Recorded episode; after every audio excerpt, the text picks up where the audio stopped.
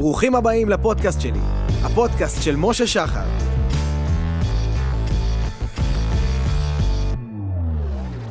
ברוכים הבאים לפודקאסט שלי. היום אני מארח את מאיר פיסינגר. הבחור הצעיר הזה בגיל 16 כבר עשה מיליון שקל מ dropshipping. היום אנחנו נשב איתו ונשמע בדיוק איך הוא עשה את זה, צעד אחר צעד. נשמע, נלמד, נחקור ונבין איך אנחנו מתעלים את זה ולוקחים את זה גם אלינו, אם זה באמת נכון. אז מה המצב, מאיר? מה קורה? מצוין, איזה כיף להיות פה היום. איזה כיף. אז באת אלינו ישירות מדובאי. כן, הגעתי לפני יומיים. ואיך הייתה הטיסה? מצוין, רגיל. טסת בביזנס או רגיל? אני טס בביזנס. רק בביזנס.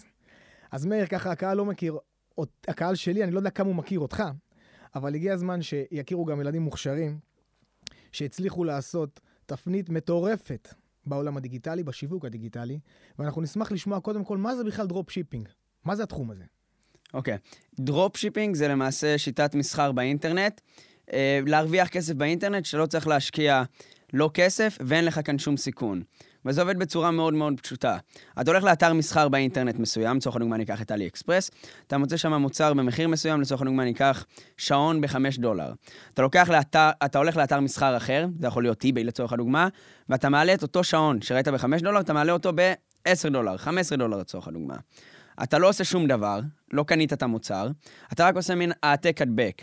יש תוכנות שעושות את זה כבר באופן אוטומטי. לקחת ב-5 דולר, העלית ב-15 דולר. עכשיו מגיע קונה, נכנס לאיביי וקונה את המוצר ב-15 דולר, הוא שילם לי 15 דולר כרגע. אני, אין לי את השעון הזה. מה שאני עושה מתוך ה-15 דולר, אני משלם לספק 5 דולר. הספק שולח ישר לקונה, כך שהמוצר לא עובר דרכי ואין לי כאב ראש, ואני נשאר עם 10 דולר, שזה יותר אפילו מהספק. משמע שזה סוג של אה, תיווך בקונסיגנציה. כן, אתה יכול לקרוא לזה תיווך באינטרנט. זה ממש תיווך. ואיך הגעת למצב שהצלחת להעתיק את זה לכמות כל כך גדולה, שעשיתם מזה כל כך הרבה כסף בזמן כל כך קצר? התחלתי לעשות את זה בגיל 14, ולא הלך לי כזה טוב. לקחתי קורס שהיה בסדר, אבל לא באמת uh, כיוון אותי למקום אליו רציתי להגיע, ולמדתי, לקחתי שיעורים פרטיים מאנשים מקצועיים כאן בארץ, גם בעולם, כדי ללמוד את זה בצורה הטובה ביותר. וואלה, והאנשים האלה, מה זה, זה שמות מוכרים או שאנשים שהם מתחת לרדאר? רובם מתחת לרדאר. וואלה, אז עשית שיעורים אחד על אחד, הבנת איך אתה עושה את זה, והרמת אופרציה והתחלת למכור בכמויות מאוד גדולות. מאיפה הידע בגיל כל כך צעיר? הידע הספציפי הזה? כן, איך ידעת לקחת את הדבר הזה ולהעתיק אותו לכאלה גדולות על מנת לעשות כזה ווליום? זה מה שלמדתי מאותם אנשים. וכמובן, אה, בסופו של דבר זה מה אתה משקיע בזה. הרי השיטה לכשעצמה, היא יכולה לעבוד לכל אחד. השאלה היא, כמו כל תחום בחיים, זה לא רק ב dropshipping ב eBay, זה כמה אתה משקיע וכמה אתה נחוש לעשות את מה שאתה רוצה לעשות ולהשיג את התוצאות שאתה רוצה להשיג. אותי זה מעניין אבל להבין, בגיל כל כך צעיר, למה הייתה לך כזאת תשוקה לעשות כסף? זו שאלה שאני מקבל, אולי זו השאלה שאני מקבל הכי הרבה, מאיפה התשוקה לעשות כסף בהתחלה, ואני תמיד מנסה גם לשים את האצבע על משהו מסוים שקרה לי, ואז אמרתי, אני רוצה לעשות כסף בעצמי, אבל אני אף פעם לא מצליח לשים אצבע על משהו מסוים. תמיד, מהרגע שאני זוכר את עצמי, רציתי לעשות כסף. ותמיד ניסיתי גם לעשות כסף מכל מיני דרכים. בגיל 12 הסתובבתי עם כלבים בשכונה בשביל להרוויח כסף, בגיל 14 פתחתי קיוסק בבית ספר, מכרתי פחיות קולה לתלמידים, תמיד חיפשתי לעשות כסף. בגיל 14 מצאתי את ה dropshipping ב eBay, התחלתי להריץ אותו תוך כדי הלימודים, ובגיל 16 באמת שם הייתה פריצה גדולה בתחום, שזה הגיע בשילוב עם uh, תקופת הקורונה, ככה שכל המכירות באינטרנט גם זינקו לאוויר. מאיזה משפחה באת? מאיזה משפחה באתי? משפחת ויסינגר. ספר לי על הרקע. מאיפה באתם? מי אתם? כאילו, מה, איזה רקע גדלת? איך חונכת? אז מעניין אותי קצת כן. לשמוע. האמת שהמשפחה שלי זה אחת השאלות שאני מקבל הכי הרבה, בין היתר בגלל שאף פעם לא פתחתי את זה. כשאתה מחפש היום מאיר פיסינגר בגוגל, אז תמיד יש את מה שגוגל מציע, ואתה רואה אבא של מאיר פיסינגר, המשפחה של מאיר פיסינגר. אז הגעתי ממשפחה ממוצעת. בחיפושים משפח... כאילו, אתה כן, מדבר. כן, בחיפושים כשאתה מחפש מאיר פיסינגר, אז קופץ לך מה עוד אנשים מחפשים. משפחה ממוצעת, משפחה חרדית בירושלים. וואלה, משפחה חרדית בירושלים. נכון. וכתבתי לי פה בשאלות, שאתה נראה לי ילד חרדי. תמיד היה לי את ה... תראה, אני לא ראיתי אותך, לא חקרתי עליך הרבה, אבל ראיתי אותך קופץ לא מעט פעמים, מהקראנץ' פיסטוק ועד הקורסים בשקל, ולא ייחסתי לזה חשיבות. אמרתי, סבבה, עוד ילד שעשה איזה ולוג מגניב וזה רץ לו. ואז לאט לאט התחלתי להבין שיש איזה דיבור עליך שאתה הצלחת לעשות מה שהרבה לא הצליחו, וניסיתי להבין מאיפה זה הגיע. וכששלחת לי הודעה שאמרת לי, שמע, אנחנו מגיעים לארץ, אם בא לך להרים פודקאסט, אמרתי, כן, מעניין אותי לשמוע עליך. ועכשיו שאני יודע שאתה פה בארץ, ואני שומע את הרקע שלך, על כל המשפחה שגדלת בה, אני מנסה לעשות אחד ועוד אחד. במשפחה שהיא חרדית, כסף זה בכלל לא מעניין, זה מוצר גשמי. איך לקחת את הדבר הזה? כי אתה אמרת מכלבים ועד כל דבר כזה ואחר, והצלחת לנרמל אותו בתוך החיים שלך כילד חרדי. איך זה קרה? מישהו כן. ש... במשפחה שלך שראו את זה, קיבלו את זה? במשפחה שלי, כשראו את זה, קיבלו את זה, כן, אבל זה מגיע עם כל מיני דברים נלווים, כמו לצורך העניין מה שפרשתי מהלימודים בגיל 16, שזה משהו שהוא חריג. בפרט שאימא שלי הייתה מורה בזמנו. אז אה, כן, לא ספק, יש כאן גם אה, משהו שמתנגש בצורה מסוימת עם המשפחה, ואני יכול להגיד שלאורך הדרך, בסך הכל, המשפחה שלי די תומכת. ואתה היחיד שחזר בשאלה, או שלא כולכם בשאלה? אתה יודע, אנשים שואלים אותי, אתה דתי או חרדי, איך היית מגדיר את עצמך או חזר בשאלה? אני אף פעם לא הייתי מגדיר את עצמי שירדתי מהתקן החרדי. אני מתכוון, אולי אני לא מתלבש כרגע כמו חרדי, אבל האם זה נקבע לפי מה שאתה לובש? לא, זה על פי מה שאתה מייצג מבחינת ערכים. שאדם חרדי, הוא יהיה לצורך העניין אדם שפחות מתעסק בגשמיות, יותר בעניין הרוחני, ואתה לקחת את כל האנרגיה ותיעלת אותה לעולם של חומר. אז אני מנסה להבין באמת איך עשית את כל האדפטציה הזאת לעולם של הכסף. כאילו, באמת, אני גדלת אולי בחוסר? זה מעניין אותי להבין. היה לך חוסר בבית של כסף? היה לך רצון לדברים שלא היו לך? היו לי רצון לדברים שלא היו לי, אבל לא הייתי מגדיר את זה כחוסר. גם לא גדלתי במשפחה עשירה או משהו, די ממוצעת. אבל הנושא הזה עם ה... עם הנושא של הגשמיות, כמו שאתה קורא לזה, שמתנגש עם הערכים הדתיים, אני לא חושב שכסף מתנגש עם ערכים דתיים. השאלה בדרך שאתה מציג אותו. בדרך שאני מציג ברשתות החברתיות, יכול להיות שכן. אבל ה... אני מהבחינה הדתית, זה לא מה שאני מייצג ברשתות החברתיות. הבנתי. זאת אומרת, אתה אומר שתי אישיות, אחד העסקית, ואחד הרוחנית שהיא לעצמך, אתה שומר אותה ואתה יודע מה אתה שומר לעצמך ומה אתה מראה כלפי חוץ. ומה שאתה מראה כלפי חוץ זה נטו ביזנס. כן. זאת אומרת שאתה לא אותנטי. זאת אומרת שאני אותנטי לגבי עסקים. לגבי עסקים אתה אותנטי. אז אני ב- לא... הפרסונה שאתה מראה היא לא פרסונה אותנטית, היא פרסונה שהיא נטו עסקית, שזאת הפרסונה שאני רוצה שתדעו שזה מי שאני. ובעולם שלי, הפרטי, שם אתם פחות תיגעו ופחות תדעו, כי אני מקדש אותו ולפי הערכים שלי. אני לא מעלה לרשתות החברתיות גם את המשפחה שלי, או בחורות שאני יוצא איתן, או יש הרבה דברים שאני שומר מחוץ לרשתות החברתיות. כמו כן, מבחינה דתית. זה לא אומר שאני, כמו שהגדרת את זה, לא אותנטי. זה פשוט, יש דברים שאני בוחר לשתף ברשת, ויש דברים שאני בוחר לא לשתף ברשת. הבנתי. שמע, זה מעניין. טוב, אנחנו בוא, בוא ניגע בנקודה עכשיו שבאמת מעניינת אותי. אז בעצם הוצאת כלבים, מכרת פחיות, התחלת להתקדם, גילית את עולם ה dropshipping. אמרת, שמע, אני צעיר, אני יודע מחשוב, אני רוצה להעתיק את זה ולהתחיל לעשות כסף במחשבים. ספר לנו על העסקה הראשונה שעשית ב dropshipping. איך זה התחיל? מה הביא לך את הבעירה הפנימית? העסקה הראשונה שעשיתי ב dropshipping, אני בחיים לא אשכח אותה, כי מהשלב שהתחלתי, עד השלב שהגיעה המכירה הראשונה, זה היה לפחות חצי שנה. ואתה יודע, אנשים קונים היום את הקורסים שלי ואומרים לי אחרי יומיים, אה, לא, לא מכרתי, מה זה הדבר הזה? ואני חצי שנה הייתי כזה אם לפרוש או לא לפרוש, והעליתי מוצרים וזה לא הלך. כמו שאמרתי לך, בהתחלה לא הייתי מקצועי בזה. ותמיד כזה היה לי מה, אז לפרוש, זה לא עובד, אוקיי, מה שאמרו לי הם צדקו, וסתם בזבזתי כסף. וברגע שבאתי לפרוש, ברגע הסופי שבאתי לפרוש, אני זוכר, אני הייתי בשיעור, הייתי בלימודים תוך כדי, ברגע שבאתי לפרוש, זה הרגע שקיבלתי את המכירה הראשונה. אני לא אשכח את זה. מה מכרת? אני לא זוכר מתי, אני חושב שזה היה דיסק און קי. ומה היה מהשולי רווח שם? אה, בוא, אחי, אני לא זוכר את זה, אה, אבל. בוודאות, בוודאות זה לא היה רווח. אני הפסדתי על המכירה הזאת בוודאות, זה מה שאני זוכר. אבל זה היה המאץ' הראשון בסליקה. כן, הרי כשאתה לוקח אותו בחמש דולר, אם אתה מעלה אותו בשש דולר, אתה לא באמת מרוויח את הדולר, כי יש עמלות. אם אתה מעלה בחמש, מוכר בעשר, אתה מרוויח. אבל תמיד יהיה את העמלות ו- זאת וכו'. אומרת שכל בן אדם יכול לבוא, לפתוח עכשיו משתמש ב eBay, לקחת מוצרים עם התמונות, עם ה copyright שהוא עושה להם קצת שינויים במידה והוא רוצה או לא, מהמם. ופשוט מפרסם אותם ב volume גבוה, בממומן, ומחכה לעסקה שלו. נכון, והדגשת את הממומן, ואתה אפילו לא צריך לעשות את זה כשאתה עושה את זה ב eBay. כי אם נחזור לשעון ב AliExpress שקניתי, אני מעלה אותו ל eBay, בן אדם עכשיו מארה"ב מחפש שעון ב eBay, הוא מגיע לשעון שלי. הוא מגיע לעוד הרבה אנשים, כמובן, לעוד הרבה מוכרים, אבל גם הרבה אנשים מחפשים שעונים. אז אתה לא צריך אפילו לעשות שיווק מאומן. הבנתי אותך, אבל שיווק ממומן ייתן לזה סטרואידים.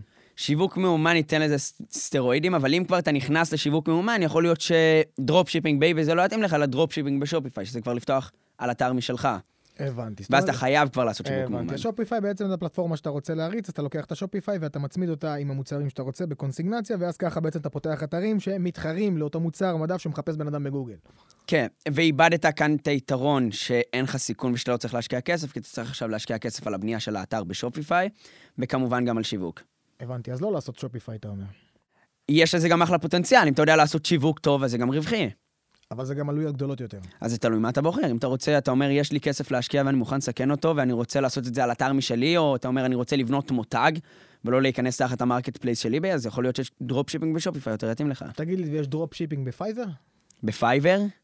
Fiverr זה לא... זה אתר של החמש דולר עם האורחים שלוקח עובדים. אתה מכיר את האתר הזה? אני מכיר את Fiverr, כן. ויש שם drop shipping? פעם ניסית לעשות דבר כזה שם, או שזה לא... לא? כלומר, במקום לעשות את זה על מוצרים, לעשות את זה על עובדים, על שירות, כן. יכול להיות, ואני בטוח שיש אנשים שעושים את זה, אני אף פעם לא ניסיתי, אף פעם לא שמעתי על מישהו שעשה את זה, אבל יכול להיות שיש בן אדם, כל בן אדם יכול לעשות את זה, לקחת עובדים ב-5 דולר ולמכור אותם ב-10 דולר, זה גם משהו שאפשרי. כל העולם עובד ככה בסופו של דבר. מעניין.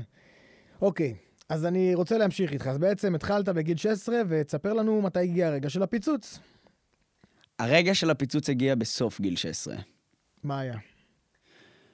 מה היה? תראה, זה היה עלייה, עלייה, עלייה, עלייה, עלייה, עלייה, עלייה, ואז עלייה. מהדיסק און קי, מה היה? מה היה עם דיסק און קי? מהדיסק און קי? כן, אה, אז נמשיך. כן. מאז הדיסק און קי, לאט לאט התחלתי לעלות עוד מוצרים, להבין איך זה עובד, לקחתי עוד שיעורים עם אנשים, לאט לאט. ומתקדמים, אתה יודע, מתחילים, מתחילים בקטן ומתקדמים. אז אתה לא זוכר את המוצרים בדיוק. המוצרים, כל. מוצר, נו בוא. אחי, זה... אתה צריך להבין, כי אין לך עלות פר מוצר, אז אתה לא קונה את המוצר, ואתה לא חושב עליו, אתה אתה פשוט פשוט מעלה. מלא מוצרים. הבנתי. אתה יודע, אתה נכנס לאלי אקסוס, בוחר, בוחר, בוחר, בוחר, ויש לך מוניטורים, אחרי שאתה בוחר את כל המוצרים, אתה בלחיצת כפתור מעלה את כולם. וואלה. כן. אתה לא צריך לחשוב על כל מוצר, כי זה לא באמת רלוונטי. כי אין לך עלות פר מוצר. תגיד לי, ואיך עושים מיסוי לדבר כזה? איך עושים מיסוי לדבר כזה? עכשיו קיבלתי את כל הרווחים, מה אני עושה? אז כאן כשאתה בישראל אתה מוציא חשבוניות מן הסתם לאנשים בלי מע"מ, כי קונים ממך בחו"ל, אז פשוט משלם מיסים רגיל. זאת אומרת שאם אני רואה את החשבונית, אני מבין ישר שזה עסקת קונ- קונסיגנציה. אם אתה רואה את החשבונית שהלקוח מקבל, תראה, הלקוח מקבל חשבוניות מאי-ביי. מה שאתה צריך להוציא חשבונית זה בשביל עצמך ובשביל רשות המיסים כאן. אז זה מה שאתה עושה, אתה מחבר אה, מערכת כמו חשבונית ירוקה לפייפל לצורך הדוגמה, ואז ואז אתה אתה... מעביר את זה לרואה חשבון. כן, אבל אתה לא צריך לשלוח את החשבונית ללקוח, כי הוא מקבל כן, הבנתי מאי-ביי. איזה משהו מפורק סבבה, אז הוא כן. מנפיק לו אוטומטית ברגע שהוא עשה את העסקה. כן. הבנתי. ואז אתה אומר, בגיל 16 בעצם היה לך פיצוץ מאוד מאוד רציני, ובגיל 16 אתה עם מלא כסף. כמה זה מלא כסף בגיל 16? כמה זה מלא כסף? בגיל 16 עשיתי את המיליון הראשון. בגיל 16 מיליון שקל ראשון שלך. כן. מה עושים עם סכום כזה בגיל כזה? זה מצחיק שאתה שואל, כי היה לי את הכסף בעובר ושב, אבל לא יכולתי להשתמש בו. כי עד גיל 18, 400 שקל. אתה מכיר את החרא הזה? אתה מבין, אני בגיל 16 ואני כולי, אנשים מכירים אותי, ויצאתי עם בחורה בנתניה, והיינו בקיוסק, ובאתי לשלם על שתי פחיות קולה, והאשראי לא עובר לך כשאתה בא לשלם, כי עברתי את המגבלה של 400 שקל באותו יום. אז זה הזוי, שאתה לא יכול להשתמש בכסף שלך אם אתה עושה כסף בגיל צעיר. קצת ברזלים בכיס. היה לי, כן, הייתי מושך מזומן, כן, הייתי מעביר למישהו העברה בנקאית, מה שאתה יכול לעשות, ואז הייתי מושך מלא ואיך אתה מזומן. מרגיש ברמה האישית שפתאום יש לך כל כך הרבה כסף בגיל כל כך צעיר, אתה מוצא עניין בחבר'ה שלידך?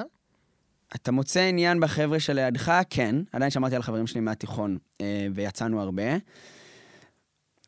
ותשמע, אני יכול להגיד לך, זה הגיע יותר מהר ממה שעיכלתי את זה. הרבה אנשים מדברים קודם כל להיכנס לתודעת שפע, ואז אתה מרוויח את הכסף. אני חושב שאצלי זה קצת היה הפוך, אני לא עיכלתי את זה כל כך. אוקיי, ועכשיו שעשית את הכסף, בא חבר אומר לך, מאיר, גם אני רוצה. מה, מה הם עושים? כאילו, מה, אתה משתף אותם? לא משתף אותם? נעזר בהם? מה, מה אתה עושה? אני חושב שפתחתי חנות גם שם לחבר שלי שהיה איתי בתיכון בגיל 16. איך אתה היית חברתית? היה לך חברים או שהיית מופנם? כשאתה מדבר איתי על התיכון, יחסית בסדר. אני מתכוון, לא הייתי ה top בכיתה, לא הייתי מלך הכיתה אף פעם, אבל לא הייתי הילד המנודה, הייתי כזה תמיד ממוצע, משהו כזה. ומה, הרגשת שיש לך את ה X factor, או שזה פשוט הגיע לך פתאום מהעסקאות, ואז זה מה שהכניס בך את האור? גם כשהייתי בפנים, מהר מאוד כבר פרשתי, אחרי ש... אחרי כבר הפריצה הגדולה, כבר פרשתי מהלימודים בגיל 16, אז לא נשארתי שם בגיל 17-18 בלימודים. ומה עושה ילד בן 16 בבית? לא הייתי בבית. בגיל 16 התחלתי לטייל בעולם. בגיל 16? איפה ההורים? בבית. מה זה בבית? כן, גיל גיל 16. 16, מה, אבא ניטס, בוא לפה, שב בבית, לאן אתה הולך? לא, זרם. זרם? גיל 16, סוף גיל 16, זה היה כשפתחו את דובאי, ואז לקחתי את אבא שלי לדובאי בפעם הראשונה. אתה לקחת אותו. אני לקחתי את... כן. לוקח אותו הרבה. מריח מסריח. למה מה? למה מסריח? לא, כי מה, אבא יגיד לבן שלו, בוא, אני לוקח אותך לדובאי ואני נשאר כאילו כל הזמן טס, כאילו, אני לא בבית? אמרתי לאבא שלי, בוא. בוא, הוא הסכים לך כאילו להמשיך כן, היינו? איך שפתחו, יש לי קטע עם דובאי, אני תמיד גם קראתי על דובאי. אגב, ההורים שלך ידעו שאתה עושה כל כך הרבה כסף? ההורים שלי ידעו, כן. אוקיי. בגיל, ובגיל 16, בסוף גיל 16 זה היה כשפתחו את דובאי. על המטוס השני לדובאי, טסתי עם אבא שלי. ביזנס? עדיין לא. לא, כי לא עיכלתי את זה, אבל בחזור זה היה ביזנס, שזה היה הביזנס הראשון שלי. כמה עלה? אתה זוכר? וזה היה מחלקת תיירים, ואז במטוס אמרתי לעצמי, לא עיכלתי את הכסף, אני עוד שנייה אני אפרט לך עד כמה לא עיכלתי כסף. אה, ואז היינו, ב... הגענו בחזרה לישראל, עברנו דרך המחלקת ביזנס, עובר למחלקת תיירים. ואז הסתכלתי ואמרתי, אני רוצה להיות פה, ואז אה, אמרתי לדיילת, אוקיי, אנחנו רוצים שתי מקומות שם. ואז היא אומרת לי, כן, זה, לא יודע, 400 דולר או 500 דולר שדרוג לבן אדם. ושילמתי לה, ועברנו, אני ואבא שלי, לביזנס. באיזה כן. גיל? גיל 16. איך, אבל אמרת 400 שקל לכרטיס אשראי לא נותן לך. היה לי מזומן. אז מה, הבאת לו מזומן? הבאתי לה מזומן. וואלה, וככה שזה... אני טסתי לדובאי עם 10 אלף דולר מזומן בגיל 16. וואו, יש לי. תמונה של זה באינסטגרם שאני בשדה תעופה, אתה יודע, עם השטרות. ואם אני אגיע איתך לכמה, עד כמה לא עיכלתי כסף, כשעשיתי הרבה מאוד כסף בגיל 16, אני עדיין נסעתי באוטובוסים. עשיתי אתה רבע אומר? מיליון שקל בחודש. רבע מיליון שקל בחודש. כן, בסוף גיל 16, ונסעתי באוטובוס כשעשיתי את זה, כי המוח שלי לא התפתח אפילו להבין שאני יכול לקחת מונית. ואז התחלתי לקחת מוניות, ולא הפסקת. וכן הפסקתי, כי כשהייתי במונית ראיתי פורש לידי, ואמרתי לעצמי, רגע, אם אני רוצה שיהיה לי מונית אישית, הרי אני עושה כסף. ההבנה על כסף הגיעה אחרי שהיה לי כסף, אם אתה מבין למה אני מתכוון. ואז בגיל 16 היה לי תקופה של כמה חודשים שהיה לי נהג עם פורש. אוסף אותך, לוקח אותך לאן שאתה רוצה? כן. לאן לקח אותך ילד בן 16? לאן קח תלך? אותי הרבה לאשדוד. מה תעשה שם?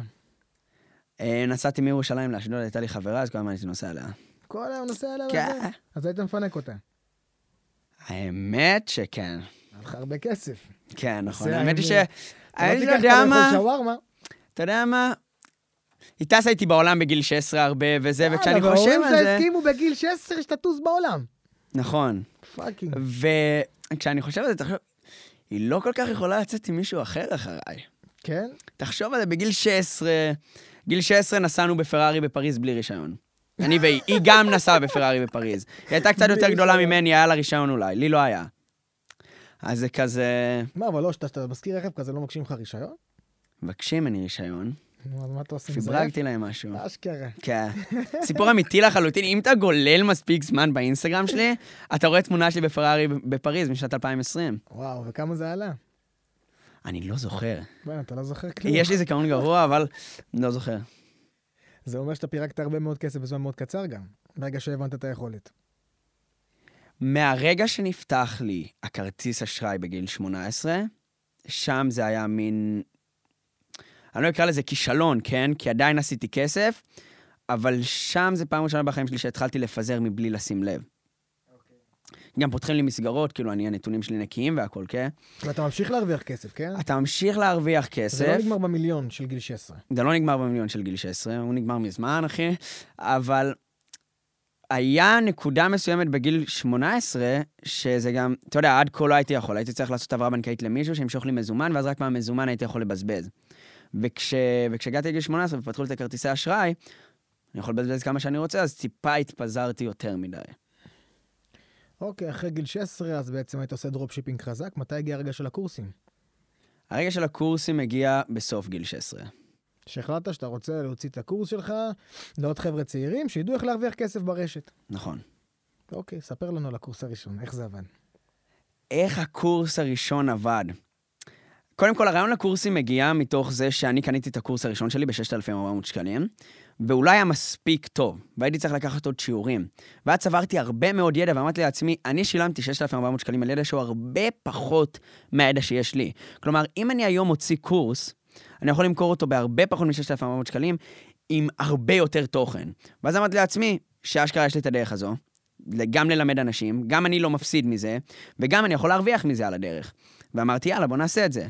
וכמובן הקורס הראשון היה כזה בסלון, לא מקצועי, וזה, אני זוכר, דוד שלי היה בבית, הוא אומר לי, למה שזה יעבוד לך? למה שיקנו ממך? למה, ש... למה שזה... והלכתי עם זה בכל הכוח, וכן, מפה לשם 50 אלף תלמידים. ומה, 50 אלף תלמידים? כי היום יש לנו מעל 50 אלף תלמידים בישראל. וואלה. אבל לא לך 50 אלף תלמידים בגיל 60, בגיל 16. לא, בוודאי שלא. גיל 16 אולי הבאתי... לא זוכר, אולי... לא רוצה סתם לתת מספרים לא מדויקים, לא אבל כמה אלפים. תגיד לי, ואתה היית בטיקטוק? אני הייתי גם בטיקטוק, התפוצצת בטיקטוק או כן. שהתפוצצת באינסטגרם? איפה התפוצצת? אני חושב שטיקטוק זו אחלה פלטפורמה להביא עוקבים לאינסטגרם. טיקטוק זה כזה, אתה יודע, אתה יכול לקבל שם על סרטונים מטופשים 800 אלף צופים, אבל זה לא משנה, כי... כי הם לא, אני לא מאמין, ב, אתה לא באמת יכול לצבור קהילה בטיקטוק כמו שאתה צובר קהילה באינסטגרם. אז זה מין צינור להעביר עוקבים לאינסטגרם. אז די הרבה מהעוקבים שלי צברתי באמצעות טיקטוק, שאגב, כל פעם חוסמים אותי, עכשיו אני מגיע ל-30 אלף עוקבים, כך שכבר איזה חמש או שבע חשבונות נחסמו לי, אבל כן, באינסטגרם אני נמצא הרבה. הבנתי. אז התחלת למכור קורסים, ומה המחיר ממוצע של קורס? כשהתחלתי... הראשונים, לא מדבר על עכשיו, הראשונים שלך. הראשונים, כן, בדיוק. כשהתחלתי, כמו שאמרתי, אמ, זה היה שני קורסים. אחד עלה 250 שקלים והשני 1,000 שקלים, וזה מתוך להגיע ולהנגיש את זה לאנשים, ומי שרוצה אחר כך היה משתדרג לקורס המלא יותר. ומה הקורס המלא? הקורס המלא כלל יותר תמיכה אישית ועוד הרבה תכנים. וכמה הוא עלה, אתה זוכר? הוא עלה 990 שקלים, 1,000 שקלים, כמו שאמרתי. 990 שקלים, יפה. וזה אומר שבעצם בקורס הזה אתה מלמד חבר'ה איך אתם מרימים את כל המערך של ה drop shipping, Shopify, ויוצאים לדרך. eBay, כן. אה, ב eBay בעיקר. רק ב eBay. רק ב eBay בעיקר. זאת אומרת, זה היה הניסיון שלך גם, לקחת מ AliExpress, להרביץ את זה ב eBay. זה מה שאני עשיתי, אני, אני אף פעם לא לימדתי משהו שאני לא יודע לעשות. עד היום, שיש לי היום מעל עשר קורסים באתר, עשרה קורסים באתר, אני אף פעם לא מלמד משהו שאני לא יודע לעשות. לצורך הדוגמה, יש לי קורס של קריפטו. אני לא המומחה הכי גדול בעולם לקריפטו, אבל יש לי מרצה שהוא אחד המומחים, המומחים הגדולים בעולם בקריפטו. ואותו הבאתי. ואתה מביא אחד כזה והוא לא דורש ממך כסף על השיעורים שהוא הולך להעביר שם? כמובן. ואתה... יש חוזה מסודר ביני לבין המרצים. הבנתי אותך. ואיך בגיל כל כך צעיר להרים מערכת לניהול מידע כזה, עם מנויים, עם אנשים, עם סליקות, עם שירות לקוחות, עם מענה. איך אתה עושה דבר כזה? מאיפה זה בא? מאיפה הידע שצברת? מאיפה כל הכמיהה הזאת? איך עשית את זה? אתה מתכוון מערכתית? בטח. אז קודם כל למדתי איך עושים את זה, אני בניתי לעצמי את האתר, ותמיד לקחתי אנשים שמבינים בתחום ושילמתי להם כדי ללמד אותי, ואז התקדמתי. ככה שאני בניתי לעצמי את האתר, אני בניתי את כל המערכת. אז כל... אתה אוטודידקט ממש, אתה אוהב ללמוד הכל לבד ולהריץ את זה. כן, לגמרי, לגמרי. זאת אומרת, היום אתה יודע לעשות את כל מה שיש לך לבד. נכון. גם היום.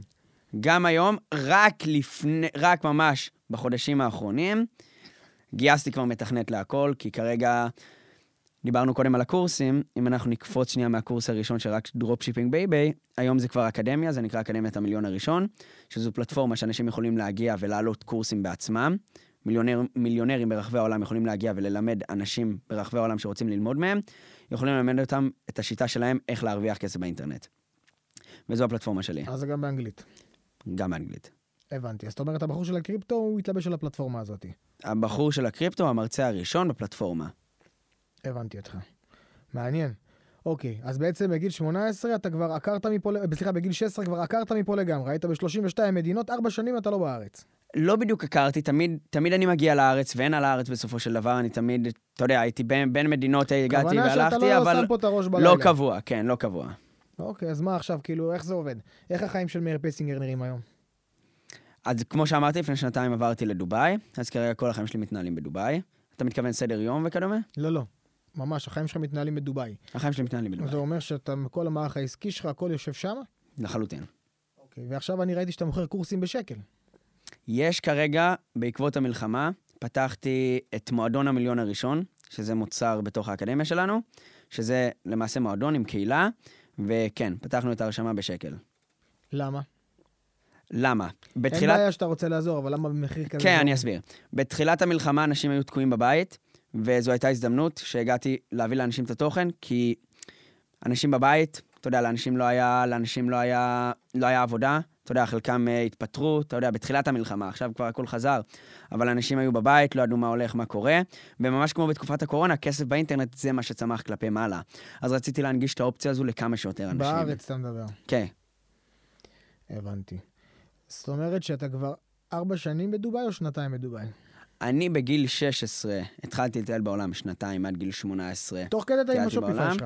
סליחה, תוך כדי אתה עם ה dropshipping. תוך כדי אני גם עם ה dropshipping, גם עם עוד הרבה מאוד דברים שנכנסתי אליהם, רק באינטרנט. כל הכסף שלי עשיתי באינטרנט, ואז בגיל 18 עברתי סופית לדובאי, ומאז אני בדובאי. יפה, יש לך שם בית בשבילך או שאתה שוכר? לא, יש לי שם דירה בשכירות. יש לך שם דירה בשכירות, מגניב. וראיתי שגם קנית בית. קניתי בית בישראל, ויש לי דירה בשכירות בדובאי, ובעזרת השם אני קונה בקרוב בדובאי. וואלה. רגע, אתה, יש לך דירה בשכירות שאתה גר בה, או זאת אומרת יש לך דירה בשכירות שאתה שוכר לאנשים? לא, יש דירה שאני גר בה. בדובאי זה עובד, אין חוזה חודשי בדובאי, זה חוזה שנתי. אז יש לי שם דירה בחוזה שנתי בדובאי, אה, וכאן יש לי דירה שקניתי בישראל, יפה, איפה קנית? בבת ים. מגניב. ואיך זה היה להתחייב בגיל כל כך צעיר? הסתכלו עליך בטח מוזר מאוד. אה, כן, כשהגעתי לס- לסוכנות, למקום איפה שסוכנות, אם קוראים לזה ככה, למשרד, אז כן הסתכלו מוזר קצת, וכן. אבל כשאתה משלם, מי, מי יסתכל עליך מוזר? תגיד לי, וה- והווליום זה אותו ווליום מה שהיה פעם? מבחינת. drop shipping אצלך. כן, הרבה מאוד אנשים שואלים, כי הוא נפל משמעותית. כן, הרבה אנשים שואלים לגבי האם dropshipping נפל משמעותית, ואולי אולי זה כי יש פחות רעש על dropshipping, אבל אנשים עדיין קונים ב eBay. ואם עדיין אנשים קונים ב eBay, זה אומר שעדיין יש מוכרים ב eBay. אבל הרבה פחות ממה שהיה. אחי, אלי ואמזון התחזק משמעותית מעל eBay. שוב, אלי ואמזון התחזק משמעותית מעל eBay. מעל eBay? בטח. לא, אלי, AliExpress לא מעל eBay. אמזון תמיד היה מעל אי-ביי, אלי אקספרס לא מעל אי-ביי? אלי אקספרס לא מעל אי-ביי. וואלה. לאלי אקספרס, לא בדקתי הרבה זמן, אבל לאלי אקספרס יש בסביבות ה-250 מיליון כניסות בחודש, לאי-ביי יש בסביבות המיליארד כניסות בחודש. אמזון הם כבר הרבה יותר גדולים, הם כבר עם 3 מיליארד, עם 3 מיליארד בערך כניסות בחודש. מה אתם אומרים? נלמד אצלו קצת לעשות dropshipping? יאללה. אבל עוד משהו שממש מעניין בנוגע לסיפור הזה, של, שאנשים אומרים שזה לא עובד היום, אני לא מזמן הייתי בקשר עם בחורה. אני לא אומר שזה לא עובד, אני שואל אם זה לא כן, עובד. לא, לחלוטין, ואני מסביר, ואני גם מסביר את זה עם סיפור קצר, שהוא סיפור שקרה ממש לא מזמן. אמ, אני הייתי בקשר עם בחורה, והיא סתם הייתה, עבדה בסתם איזה עבודה בסוכנות רכב או משהו, והיא אמרה לי, מאיר, אתה מרוויח כסף באינטרנט, חנויות באי-ביי וזה, תפתח לי חנות. ואמרתי לה, אוקיי. ופתחתי לה חנות. עבדתי על זה, סידרתי את? הדברים. סתם חנות, זה, אין לך נישה, אתה מעלה אה, כמה שיותר מוצרים, הרי הבנתי, דיברנו על זה. כן. וסתם פתחתי לה חנות באי-ביי. מפה לשם אני כבר לא בקשר עם הבחורה, על הזין החנות, אני לא צריך אותה. אבל פתאום עכשיו, בימים האחרונים, אני מתחיל לקבל מיילים על מכירות מהחנות הזו. מה עושים? אז dropshipping באי-ביי זה משהו שעובד. לא נגעתי לה בחנות, תרצה, שתהנה. יפה. יפה, אחי, ניצלה אותך יפה. כן. לא פעם ראשונה. ואיך זה באמת אה, כל מערכת יחסים עם בחורות? איך זה הולך? צעירות ממך, גדולות ממך, בגיל שלך? תראה, אני חושב שלחלוטין, כשיש לך כסף בגיל צעיר, אז הנושא של אה, בחורות זה משהו שממש מושך בחורות. והבעיה צריך שזה... להראות את זה, אבל בגיל צעיר, כי הם לא יבינו את זה לעולם, כי ילד בגיל צעיר... כן, אבל הם רואים באינסטגרם שלי. ואם לא רואים אותך באינסטגרם, אין להם שום מושג מי אתה, אתה צריך לגשת. כן, עד לא מזמן, ואת, ואז אתה ניגש אליה, נניח וניגש לבחורה ברחוב. ועשיתי את זה הרבה. נניח ואני ניגש לבחורה ברחוב, ואז היא מכירה אותי. בפרט אם אני... אני, אני די מוכר ברשת. לא, עזוב, אני מדבר איתך עכשיו אם אתה בדובאי, מה הרשת? אתה בדובאי עכשיו, איך אתה מתחיל? אני לא יוצא עם בחורות לא יהודיות. וואלה, כן, רק עם בחורות יהודיות. נכון. אה, אז אתה בא לפה להתרענן מתקופת היובש וחוזר, הבנתי. יא ערמומי. את זה אתה אמרת. עכשיו הבנתי. אז אתה אוהב את המדינה. אוקיי, אז עכשיו אתה בדובאי. אז אתה, מה, כאילו, איך אתה חי? כאילו, אתה, אתה התחלת את היום שלך, ספר לי על סדר היום שלך, איתו אתה בבוקר, מה, איזה שעה כן. אתה מתעורר? זהו, זו שאלה ממש טובה. כזה לא מועדון הטיפש בבוקר. זהו, שכולם נמצאים היום במועדון החמש לא יודע מי זה בבוקר. כולם, לא יודע מי זה כולם. אני לא יודע, תמיד... לא, יש לך את הספר מועדון חמש בבוקר, ויש לך. תמיד קופץ לך ההוא שקופץ אתה לך יודע מי עשה לאמבטיית מהספר הזה קרח. הרבה כסף? כן, ההוא שרשם את הספר. רובין שרמה. אין שאלה. אבל אני אף פעם לא הייתי במקום הזה. אני מעדיף לישון בחמש בבוקר, מאשר לקום בחמש בבוקר, כי אני עובד טוב כל הלילות. אני עובד בלילות, אני אוהב לעבוד בלילות. ככה שאין לי אף פעם סדר יום קבוע, אני לא, לא נשאב ללקום בחמש בבוקר ולקפוץ לאמבטיית קרח וכל השטויות האלה. אני פשוט עובד עד מתי שאני יכול לעבוד, עד מתי שאני מת מעייפות. זה יכול להיות חמש בבוקר, זה יכול להיות שמונה בבוקר, זה יכול להיות 12 בבוקר, הולך לישון, קם בצהריים, ממשיך לעבוד. אז אין לך סגרת יום מסודרת. אין לי שגרת יום קיצה לחלוטין. טבעית, ואם יש לך פגישה מסודרת, אז אתה קם לפגישה, אבל סך כן. הכל קיצה טבעית קם, וכמו ילד בן 20. מה, מסתכל בטלפון, מה קורה, מה חדש, כן. מה נכנס, יוצא לארוחת בוקר, קצת חדר כושר או משהו, כן. וזורם. לחלוטין. אני חושב שזה גם היתרון של כסף באינטרנט, שאני לא צריך להיות ער בין תשע לחמש, או בין שעות מסוימות. אני יכול לעבוד מתי שאני רוצה. כמובן, יש לי הרבה פגישות לאחרונה, אז כמובן צריך להתאים את זה ברמה מסוימת. אבל חוץ מזה, אין לי סדר יום קבוע בכלל. שאתה אומר שיש לך פגישות, עם מי יש לך פגישות? יש לי פגישות בנוגע לעסקים. הוא מרגיש שאני כאילו חיים אתגר, עם מי יש לך לא, פגישות? לא. אה, הכל טוב, בנוגע לעסקים, תמיד יש לך פגישות. אני מתכוון, כאילו מה. אתה מנסה לקדם עוד עסקים? אתה מנסה להתפתח בעוד נישות? תמיד. אבל זה יכול להיות עם מתכנתים, זה יכול להיות... משהו עם- שקשור לתחום שלך. כן. אתה לא מחפש לקפוץ מעל הפופיק, או שכן, אין בעיה עם זה גם כן, אני מנסה לא, אני תמיד, פגישה האחרונה שהייתה לי, זה היה עכשיו. הגעתי, הגעתי מהוד השרון עכשיו, היה לי שם פגישה עם מישהו בדובאי, הכרתי אותו בדובאי. אמ, ישבנו במסעדה שלו משהו. ומה, הוא כאילו בן אדם מהתחום שלך, שרוצה לעשות איתך איזה משהו? לא, לא מהתחום שלי, אבל... לא קשור, לא קשור לתחום, אבל בן אדם מעניין לעבוד איתו. אתה יודע. תמיד... אתה- mingling, mingling כן, קלאסי. תמיד יש לך את ה... ליצור קשר עם אנשים, ובסופו של דבר זה מה שמוביל אותך קדימה. ואתה מרגיש היום, כ- בן כמה אמרת? 20? 20 כרגע. אתה מרגיש שיש לך הרבה ערך לתת החוצה? לאנשים? כן, עסקי. כן, די. וואלה, וכל העניין של ה mentoring פחות מדבר אליך, אני מבין. mentoring, כמו לעשות הרצאות וכאלה. עשיתי שתי הרצאות בארץ. ומה, זה מדבר אליך או שקצת פחות? זה נחמד. אני כרגע לא בארץ, ואני לא מגדיר את עצמי אף פעם כמנטור. אני בן אדם פשוט שיש לו שיטה להרוויח כסף באינטרנט, ואני מלמד אותה. אני לא מגיע להגיד לך איך לקום, או איך לחיות, או מה לעשות. אני סך הכל. בן אדם פשוט שיודע להרוויח כסף באינטרנט, שעשה את זה בעצמו, וכל אחד יכול להגיע וללמוד ממני. תגיד לי, וזה מאוד מעניין אותי, אתה נשמע פה שאני מדבר איתך מאוד מאופק, מאוד רגוע, מאוד צנוע, ענב אפילו באיזשהו מקום, לעומת מה שאתה מוצג ברשת. אז מה העניין, וזה מעניין אותי לשמוע, ותשמע את השאלה טוב, תנסה להבין מה אני מבקש ממך בשאלה שתענה עליה.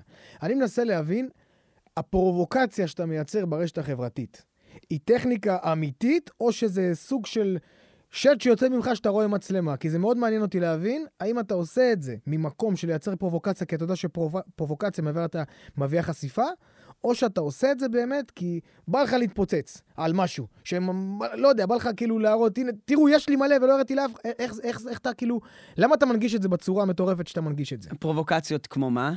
עם הכסף שאתה פותח, יושן באמבטת עם כסף, זורק אה, כל דבר, אחי, הכל. כן. אתה שואל האם זה אמיתי? האם זה מי שאני? זו השאלה שלך? אני, כן. אני פשוט רוצה להגיע ל- לנקודה. כן, כן, זו בדיוק השאלה שלי. אני חושב שזה נוגע למה ששאלת קודם, בנוגע לגבול בין מה שאני מעלה לרשת לבין החיים הפרטיים שלי. אה, ויש גבול לחלוטין בין מה שאני ברשת לבין החיים האישיים שלי. אז כן, הרשת יש את המאיר של הכסף, של הכסף בצורה מוגזמת, וכ- וכו' וכו' וכו'. אבל יש דברים שאני לא משתף ברשת. אבל כמו- אתה מרגיש שאתה חייב להקצין את זה על מנת שזה יעבור יותר חזק במסר? כשזה מוקצן זה עובד טוב. יפה, זאת השאלה. זאת אומרת שזה מוקצן, אתה יודע שמבחינת הוכחה, שזה מוקצן, זה עושה המרות טובות יותר. בסופו של דבר הכל זה שיווק. אבל עוד פעם, לשאלה, האם זה מוקצן, גם יש שיווק ויש שיווק. שהשיווק הוא מוקצן בפרובוקציה חזקה, אתה מרגיש שהוא ממיר יותר, גורם לחשיפה חזקה יותר, לאנטגוניזם גדול יותר עליך? לחלוטין. הבנתי אותך. זאת אומרת שלפי מה שאתה רואה, אם אנחנו לוקחים את זה עכשיו לרשת החברתית, אתה אומר שמי שישווק בצורה, שהיא רק מקצועית, זה לא יעשה כלום. אתה צריך לייצר פרובוקציה שתייצר חשיפה, ומשם יהיה הרבה יותר קל למכור, אחרי שיש לך traffic חזק לחשבון. כן, קודם כל כדי למכור אני מאמין שאתה צריך קודם כל ולפני הכל מוצר איכותי. כי לא משנה השיווק שלך יהיה פרובוקציה, לא פרובוקציה, קודם כל זה מגיע ממוצר איכותי וזה הדבר החשוב ביותר. אחרי שיש לך מוצר מספיק טוב, אתה שואל את עצמך איך אתה עושה את השיווק. לא, אני אומר שה traffic שאתה בונה עליו הוא דרך פרובוקציה, אני לא מדבר על המוצר. כן, ועכשיו... המוצר, נצא מנקודת הנחה שהוא מעולה. אתה לא מאמין שהמוצר צריך לקבל אה, הסבר שהוא מידעי, אלא יותר הסבר שהוא בצורה שהיא פרובוקציה, שמשם כבר מי שירצה יגלול ויבין באמת את הערך של המוצר. פחות מעניין אותך להעביר עכשיו, בואו תשמעו על הקורס שלי, כי יש לי ב- בסילבוס שלי, פחות, זה פחות אתה. כן. זה בואו תראו את הקורס שלי, אני שם ברברי, בואו תראו את הקורס שלי, אני עם גוצ'י, בואו תראו את הקורס, קניתי גרביים של גוצ'י, כמו מפגר ב-600 דולר. כן, ואני אחדד את זה. כשאני קניתי קורס, יש חברה שעובדת בישראל כרגע, שעבדה. בישראל שהייתה מוכרת קורסים ל dropshipping באי-ביי. אוקיי. ומובן למה היא עבדה. היא עבדה עשר שנים עד שאני נכנסתי לתחום. היא לימדה אנשים איך לעשות dropshipping באי-ביי. עשר שנים אולי היה לה 800 תלמידים. כי היא לימדה איך לעשות dropshipping באיביי. זה לא מעניין אף אחד איך לעשות dropshipping באיביי. כשאנשים מגיעים אותי, ורואים אותי בגיל 17, בדובאי, סגרתי את הסוויטה במלון הכי יקר בעולם, בורג' זה משהו? בורג' אל-ערב. כן. הייתי בו בגיל 17. כמה זה עלה? 13,600 ללילה. דירם שזה שקל. שמעתם אותו? 13,600 ללילה. תותח, יאללה, כן. תתקדם. איך הרגשת- עם זה טוב אבל, אחי? כמה דיסקונקי עפו לך מעל הראש בלילה? כן, זה היה, זה היה, זה היה נקודה שאני לא אשכח. וכשאני נמצא שם בבריכה, ויש לי, שם, יש לי כמה סרטונים ביוטיוב מאוד פופולריים שם מהבריכה, וכל המלון סגור, אתה לא יכול להתקרב לשטח של המלון אם לא שילמת את הסכום הזה ללילה, לפחות בזמנו. וכשאני נמצא שם ואומר לאנשים, הנה אני כאן, וזה בזכות כסף באינטרנט, זה מה שמושך אנשים לעשות כסף באינטרנט. כלומר, אם אני אומר לך בוא תעשה dropshipping באיביי, זה לא יעניין אותך. יותר מזה, אם אני אגיד לך בוא תעשה כסף, זה אולי יעניין אותך, אולי לא יעניין אותך, אבל אם אני אומר לך, הנה זה מה שאני עשיתי, התוצאה, וגם תראה. אתה יכול לעשות את זה, וכמובן שזה יהיה הרבה יותר מושך, וזה כל מה ששיווק לגבי. יפה מאוד, אחי, מאוד מאוד יפה, אהבתי, ואתה די עקבי במה שאתה אומר, וזה כבר טוב. אני אגיד לך מה, לפני שבאת העליתי, העליתי אה, סטורי, אמרתי לך תשתף אותו, שאנשים אמרו לי, אה, כתבתי להם איזה שאלות אתם רוצים שאני אשאל אותו. אנשים אמרו לי כמה שאלות, אני אתחיל בשאלה הראשונה. השאלה הראשונה היא, איך אנחנו יודעים שמאיר פיסינגר שיושב איתי פה ואני מסתכל עליו, הוא אדם אמין ולא נוכל? תסביר לי את זה. איך אני יודע את זה? למה אומרים שאתה נוכל? למה אומרים שאני נוכל? תבלע, תבלע, אל תבלע. לא, אין בעיה, הכל טוב. אני אסביר לך. אני אקח את זה ואני אגדיר את זה לכל התגובות 8 שאני מקבל מאנשים, ואני שמתי לב למשהו לגבי התגובות 8 שאני מקבל מאנשים, אני תמיד מקבל אותם מאנשים שנמצאים במקום יותר נמוך ממני. אף פעם לא היה אף אחד שהיה במקום יותר גבוה ממני בחיים ונתן לי תגובת 8. אנשים רואים אותי והם, דיברנו קודם על המלון, על המ- המלון הכי יוקרתי בעולם בגיל 17, אז בן אדם מגיע ו- ורואה את זה, והוא עובד בתחנת דלק, מה הוא יעשה חוץ מלרשום לי, זדיין יא נוכל? איזה עוד אופציות יש לו? חוץ מלהגיע וללמוד ממני, זו אופציה אחת, זה מה ש-50 אלף אנשים עשו. האופציה השנייה זה להגיע ולהגיד, אני גם ככה לא מאמין בעצמי, ואני גם ככה ברמה כל כך נמוכה בחיים שלי, אז הדבר היחיד שאני מסוגל לעשות כרגע כדי לגרום לעצמי להרגיש טוב יותר, זה לרשום לו תגובות טייט. בתוכם נוכל, גנב, רמאי, שקרן וכו'. הבנתי אותך. אז אתה אומר שההייטרים זה בעצם חלק לא קטן מכל הקונספירציה הזאת שאנשים קיבלו לגבי הדמות של מאיר פיסינגר. לא, לא כולם, אני אומר, יש חלק כזה שחושב. זאת אומרת, אתה אומר, זה אנשים שלרוב הם במקום נמוך יותר בחיים, הם במקום שהוא הרבה יותר אה, אומלל, והוא לא יודע איך להפיג את האנטגוניזם שלו, והוא מוציא את זה בצורה כזאת עליך ברשת החברתית. לחלוטין. אם אנחנו נדבר עוד יותר על אייט, על תגובות אייט, תמיד שואלים אותי האם זה לא פוגע בך ומפריע לך, ואף פעם זה לא עניין אותי. כי אתה מבין שבן אדם נמצא ברמה, במקום כל כך נמוך בחיים שלו, בשביל שהוא נכנס לפרופיל שלי, הולך לסרטונים שלי, פותח את המקלדת בטלפון, רושם אייט על סרטונים שלי, בזמן שהוא תקוע בעבודה בתחנת דלק או איפה שהוא לא יהיה, במקום הרבה יותר נמוך ממני בחיים. מתדלקים, גמרת אותם. כן, אה? אה, אני רק אומר, עכשיו יש עוד מתדלקים שישנאו אותך. תגובות אייט, זה, הזוי לי שאנשים נותנים אותם. זה יותר... זה מביך בשבילם. הבנתי אותך, אחי, עברת את הנקודה יפה. אני ראיתי שפעם העלית, לא אתה העלית, אולי אלכס דניאל העלה, סרטון בממומן שאתה היית בסדנה של אלכס. כן. אלכס לא עושה עסקים, לא? הוא עושה סדנאות להתפתחות אישית, אם אני לא טועה. אלכס דניאל זה אחלה בחור, קודם כל ולפני לא, הכל. אני לא מכיר אותו, אין לי שום מילה רעה עליו. אני הייתי אצלו, לא בסדנאות אף פעם, הייתי אצלו בהרצאה, בגיל 14. או-אה, כן, הייתי אולי בהרצאה או שתי הרצאות שלו. מפה לשם הוא הגיע לדובאי, נפגשנו בדובאי, יצאנו כמה פעמים לארוחת ערב. אחרי ארוחת ערב הוא אמר לי, נכון, היית אצלי בהרצאה? אמרתי לו, כן. הוא אמר לי, יש מצב שאתה עושה לי סרטון? אמרתי לו, אין בעיה. ומה שאמרתי, זה שהייתי אצל, אצל אלכס בהרצאות שלו, ואחלה, הוא נותן לך כן כלים, בסופו של דבר. יש הרבה מנטורים שנותנים לך כלים. ואתה מרגיש שכאילו הסרטון הזה עזר לו לטראפיק? אני מניח שעזר לו, ואני שמח אם הוא נהנה מזה, אני באמת הייתי אצלו בהרצאות. אני אף פעם לא, אף פעם לא עשיתי שיווק ממומן לאנשים. מה שהרבה, לא, לא שאני לא עשיתי שיווק ממומן, אני מתכוון שאף פעם לא... אנשים לא שילמו לי בשביל שאני אעלה משהו מסוים. והרבה מאוד אנשים הציעו לי מתחילת דרכי, ואף פעם לא עשיתי את זה. למה? כי חשוב לשמור על האותנטיות. וכן, לא צריך את הכסף שלהם. אבל אני מתכוון, זה... זה... למה, לעשות אני- שיתופי פעולה זה בעיה, כאילו? זה לא בעיה. אם יש דוגמנית שהיא כל הזמן מעלה את עצמה בעירום, ואז היא מוכרת מוצרים כדי להרוויח כסף קצת מהגוף שלה, אז שיהיה לה בהצלחה. לא, אבל הלכת לקיצון, רגע, שנייה. יש גם בחורה שרק מבשלת ומעלה אה, כפיות אפייה, אני יודע מה היא מעלה, מוצרים. אין בעיה, שיהיה לה גם בהצלחה. אז אתה אומר שגם בתחום שלך עכשיו יבוא אליך מישהו שהרים מערך חדש של אתרים שמתחרה בשופי אומר לך, מאיר, תקדם את זה, קבל ממני סכום, אתה אומר לו לא. או שלא בטוח. אם הוא אומר לי, תקדם, תקבל סכום על מוצר שאני לא מאמין בו, אני לא אעשה את מוצר, על זה. האתר. אה, כן. אתר- אתר שהשתמשתי בו? לא, לא, לא אתר שהשתמשת אז בו. לא, מה פתאום, למה רק שאני אעשה דבר לך- כזה? רק אם ניסית. אני אמליץ לאנשים שלי להצטרף לשירות של מישהו אחר, כשאני לא השתמשתי והמוצר הזה לא עובד לי. אז אתה אומר, זה לא הכל הכסף, אז זה מה שאתה אומר. אתה אומר אתה אמינות, יכול- אתה אומר אמינות לפני כסף. אין שאלה, למה שאני אמליץ לאנשים להשתמש במוצר של מישהו אחר, מבלי שאני השתמשתי בו וראיתי שהוא עובד? ואתה מקבל הצעות כאלה. אני מקבל הצעות כאלה, אני אגיד לך, אני כן עושה משהו אחר, ותוכנות שאני השתמשתי בהן, כמו לצורך הדוגמה, דיברנו על dropshipping באיביי, אז יש תוכנה שלמעשה לוקחת לך את המוצרים החמים ביותר ובודקת לך מה המוצר הכי טוב להעלות אותו. ואני מכיר באופן אישי את הבעלים של התוכנה, ויש לנו שיתוף פעולה ביחד. והשיתוף פעולה הוא לא רק, מאיר, אתה תקבל כסף, אלא אני אמרתי לו, את הכסף שאני אמור לקבל, תן לתלמידים שלי, ועל כל התוכנות האלה יש 50% הנחה לכל התלמידים שלי. וואלה, זאת אומרת, אז יש להם כבר רווח בלי קשר. לחלוטין. יש, אם אתה נכנס לאתר, יש שם את החלונית של שיתופי פעולה, יש שם בסביבות ה-10-15 תוכנות, שהן החזקות ביותר לכסף באינטרנט, שהכל תלמידים שלי מקבלים הנחות. ומי התלמיד הכי חזק שלך, שיצא ממך? יש מישהו כזה שאתה גאה בו?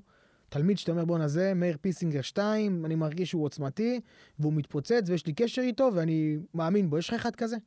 כן, יש לי תלמיד, שאני אף פעם לא פגשתי אותו, אבל הוא כל הזמן שולח לי עדכונים מדי פעם, עם עדכונים מטורפים. עדכונים מטורפים. אני לא חושב שיש לו אפילו תמונת פרופיל. אני אף פעם לא דיברתי איתו בטלפון אפילו, אבל הוא תמיד שולח לי וכזה אומר לי תודה. וברמה קיצונית, כאילו מכירה באי-ביי הוא הביא 30 אלף דולר, מכירה אחת, הוא אמר לי ש-20 אלף דולר מתוכם זה רווח. שזה אומר רווח של 80 אלף שקל. וואלה. איפה התלמידים האלה שלך שיבואו ויגידו, אני למדתי אצל מאיר פיסינגר, לקחתי את כל הקורסים והיום אני מרוויח בממוצע בחודש 40 אלף דולר, 30 אלף דולר. יש הרבה. כאלה? ודאי שיש הרבה. איפה הם? אני לא רואה אותם אני בסרטונים. בעבר הייתי מעלה אותם, אני לא פוגש אותם, כי הכל אונליין. מה, אבל אבל- אתה לא מתעניין לתפוס לך סרטוני תיעוד, משהו שיחזק את המותג שלך? כנראה אני לא כזה טוב בשיווק אם לא עשיתי את זה עד היום, אבל אני צריך להתחיל לעשות את זה. אבל כן הייתי מעלה אותם הרבה ל...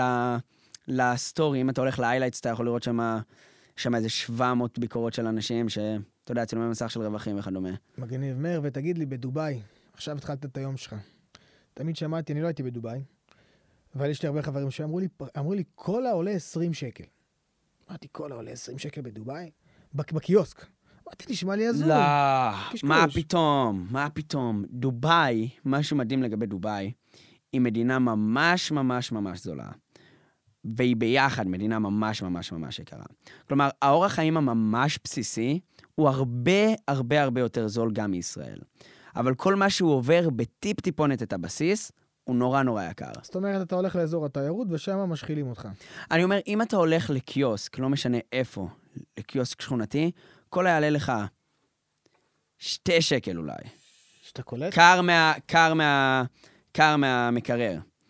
אבל אני ישבתי בבר שבו עלה כל ה-150 שקל. מה?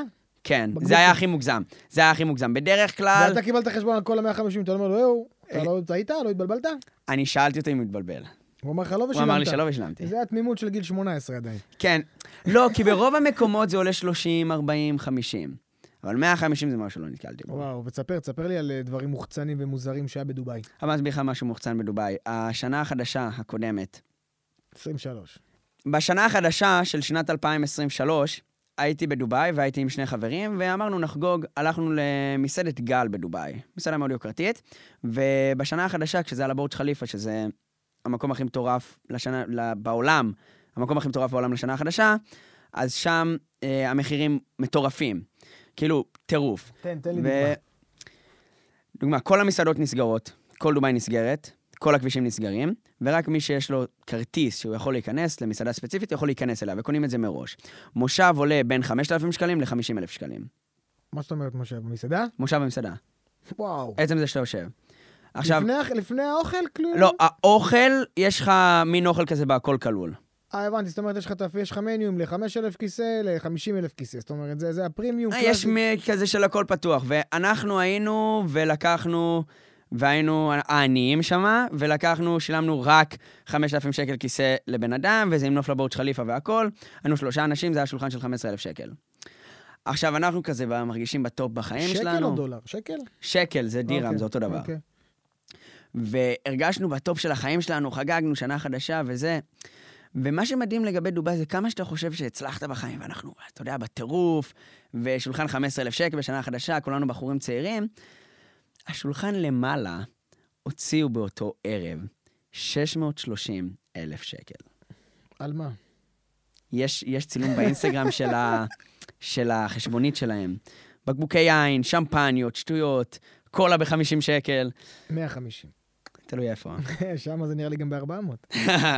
אז זה- יש לחשבוניסטים, זה ממש מעניין. וזה לא ו- מרגיש כאילו מגעיל כבר, כאילו מה, איזה מגעיל, כאילו מה, אין לזה גבול, כאילו מה, איפה, איפה, איפה זה, איפה האיזון, כאילו. אני חושב שאיזון זה לגמרי דבר חשוב, ואני, ברוך השם, ואני מאמין שזה בזכות הדעת, אני מצליח לשמור על האיזון, אבל אני יכול להגיד לך שאני מכיר מלא אנשים שלא הצליחו לשמור על האיזון בין המקומות האלה לבין ה... להתיישר בחיים. אז אתה אומר שבתכל'ס זה חיי הבילויים בדובאי מאוד מאוד יקרים. ברגע שאתה הולך לבלות, אבל זאת אומרת, בשגרה זה חיים אפילו יותר זולים ממדינת ישראל. אני הייתי מתקן אותך ולא אומר לגבי השגרה, אלא כל מה שרמת חיים בסיסית, זה נורא זול. זה לפי מה ש- אזורים שאתה מדבר רמת בסיסית? גם לפי אזורים, כי בדובאי אתה יכול ללכת לשכונות שיעלה לך לגור בהם 800 שקל בחודש, איפה שהעובדים הזרים גרים, ואתה יכול ללכת למקומות איפה שאני גר בהם. שכמה זה עולה בחודש? זה לפי שנה. זה 150 אלף שקל בשנה. לא מעט כסף. מה, זה דירה במה? בבניין בעצם, ראיתי. זה במגדל, כן. וואלה, ועל מה אתה נוהג שם? או שאתה אני- זוכר כל פעם משהו אחר. זהו, תראה, לגבי דובאי, זה הרבה אנשים כל הזמן רושמים לי על זה שאני שוכר רכבי יוקרה שם, ולמבורגיני, ומקלרן וכאלה. מה שאנשים לא מבינים לגבי דובאי, זה שזה לא מקום לנהוג בו. אני הייתי בדובאי חודש אחד עם רכב, ובגלל שיש מצלמות בכל מקום, הקנסות שלי באותו חודש היו 22 אלף שקלים. בחודש. 22 אלף שקל ולא לקחו אותך לכלא שם? קנסות. לא, רק קנסות. שם זה רק קנסות על עבירות תנועה? קנסות, כן. ויש לך נקודות ברמה מסוימת. אבל קודם כל דובאי יחסית קטנה, אני לא צריך שם רכב, וכשאני רוצה, אז אנחנו לוקחים יום חופש כל החברים, וכל אחד לוקח רכב, ואנחנו נהנים. אז מה, יש לך שם חבר'ה יהודים? יש שם, כן, יש שם אחלה קהילה יהודית. וואלה. ולא מסוכן להיות שם בתקופה הזאת? דובאי זה המקום הכי בטוח בעולם, ככה שזה לא מסוכן לישראלים, לא היום ולא אף פעם. למה אתה אומר את זה? כי זה המקום הכי בטוח בעולם. על סמך מה אתה אומר את זה? על סמך בדיקות, דובאי זה המקום הכי בטוח בעולם. וואלה, אז אתה מרגיש שם בנוח. בדיקות לא שלי אגב, כן, מי אני שיבדוק איזה מדינה בטוחה או לא? זה ידוע. אין שם פשיעה, 0%. וואלה. נכון. תגיד לי, ושאתם שם זה קהילה של יהודים שהם קהילה שכבר הייתה גרה שם, או שפשוט זה קהילה חדשה שנוצרה בארבע שנים האחרונות? יש אנשים בקהילה שהיו גרים שם גם לפני ההסכם שלום, רובם זה אנשים שהגיעו כרגע לעסקים. וואלה, חבר'ה צעירים בגיל שלך? בגיל שלי מעט, אני הצעיר ביותר בקהילה. וואלה, יפה, וכולכם מתעסקים במה? בשיווק דיגיטלי? יש הרבה מאוד אנשים שמתעסקים בחנויות באינטרנט, חנויות באמזון. חבר הכי טוב שלי שם מתעסק בחנויות באמזון. אה, וכן, כל אחד והתחום שלו, יש שם אנשים שיש להם מסעדות שם, כל אחד והעסקים שלו. היית ממליץ לחבר'ה צעירים אה, לנסות את מזלם בדובאי? תראה, אני, אני אגע בנושא הזה של לנסות את מזלם בדובאי. אני חושב שמי שיצליח, לא משנה איפה הוא יהיה, הוא יצליח. אני לא עשיתי כסף כי עברתי לדובאי. אני עשיתי כסף גם בארץ, אני עשיתי כסף כשטיילתי ביפן, עשיתי כסף כשהייתי בכל מקום בעולם, עשיתי כסף. דובאי כרגע נוח לי לגור שם, ואני מצליח לקדם את העסקים שלי בצורה הרבה יותר טובה. אבל מי שחושב שהוא יגיע למקום מסוים, ורק אז שם הוא יצליח לעשות כסף, אני חושב שהוא טועה לחלוטין. שמע, זה הזוי לי, כל כך צעיר, והוא טייל בכל העולם, ב-32 מדינות, והיית פה והיית שם, כאילו עצמאות. בגילאים כאלה עדיין אנשים לא מרגישים את העצמאות הזאת, הם עדיין צריכים את המקום שלהם במשפחה. זה מאוד מוזר לי שאתה פשוט נעלמת מהמשפחה והלכת וטיילת בעולם בלי הפסקה, ואז עקרת לדובאי. אתה בקשר טוב עם המשפחה שלך אני היום? בקשר טוב מאוד עם המשפחה שלי. איזה קטע, אתה יודע, לא פגשתי דבר כזה עדיין. כן, הנה, אני מיוחד. מאיר פיסי, פעם ראשונה. השם שלך ישר יודעים שאתה יהודי, נכון? כשאתה אומר מאיר, ישר יודעים שאתה יהודי, אין משחקים. כן, אתה יודע, עזוב את זה. רואים על לא יהודים שהם יהודים, יש לנו? משהו באף. אחי. לא, אחי, רואים, רואים, יהודים מזהים אותם בעולם. גם עכשיו אתה נראה בן 15. אני נראה בן 15? מה זה, אתה נראה בן 15, אני אומר, זה לטובתך, אחי. כן, זה, אבל זה לרעתך בעסקים בטח. זה ממש הראשונות. לטובתי בעסקים. באמת? כן, כי נתפס שיזלזלו במישהו צעיר. אבל, תראה, כשאתה רואה מישהו יוצא מלמבורגיני, בן 70, הגיוני באנשהו. כשאתה רואה מישהו בן 16 יוצא מלמבורגיני, כולם מסובבים את הראש, זה משהו שהוא חריג. ולכן בעולם העסקים, בגיל צעיר, דווקא אנשים לוקחים את זה בצורה של, גם אם יש מישהו הרבה יותר ממני, אבל הוא בן 50, הוא מסתכל עליי מלמטה. כי אני ככל הנראה היה במקום הרבה יותר נמוך ממני בגיל 20, וואלה. לא? יכול להיות. אז בעצם, מה השווי של מאיר פיסינגר ונכסיו היום? מה, מה השווי? זה מעניין אותי לדעת. מה השווי? תן לי הערכה, מה השווי של מאיר פיסינגר ונכסיו היום, בגיל שלו, בעידן הזה? תראה, החברה שלי לא ציבורית, אז אני לא יכול לתת, אני לא יכול לתת לך הערכת שווי כרגע לחברה, אבל אני הבעלים של 100% מהמניות בחברה. אז אני מניח שזה מקפיץ השווי מספיק. אבל אתה לא יודע להגיד, שמע, אני שווה היום 10 מיליון שקל, אני שווה היום 3 מיליון שקל, אני היום שווה 200 אלף שקל, אתה לא יודע לומר את זה עדיין. לא עשית הערכת שווי של העסק לא שלך. עשיתי הערכת שווי, אתה יודע, חוץ ממה שיש לך, חוץ ממה שיש לך כנכסים ומזומן וכו' וכו' וכו', לצורך דוגמה, יש הכי עשיר בעולם, אילון מאסק, אוקיי? הוא שווה כרגע 250 או משהו מיליארד. זה לא שיש לו 256 מיליארד, לא, נו, זה. ברור לכולם, בגלל לא ספק, מה זה השווי חברה שלו. כן, אז אני... טסלה חברה ציבורית, אנחנו יודעים מה השווי של טסלה. כשאתה לוקח חברה, אתה עושה בערך הכפלה של כפול 20 אז אתה לא חברה, מהמחזור אבל. החודשי. אתה לא חברה, אה, אתה כרגע לא חברה בורסאית. נכון. בגלל זה אני שואל, האם אתה יודע להגיד מה הערכת שווי? כי אני בטוח שכל הרשת רוצה לדעת. כמה מאיר פיסינגר שווה היום? מה אתה חותם שפתיים? דבר, כמה אתה שווה היום? אני תמיד דוגל בלתת נתונים מדויקים.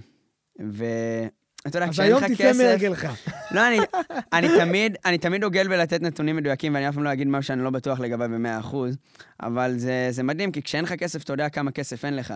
או כשיש לך כמה שקלים, אז אתה יודע מה יש לך ומה אין לך.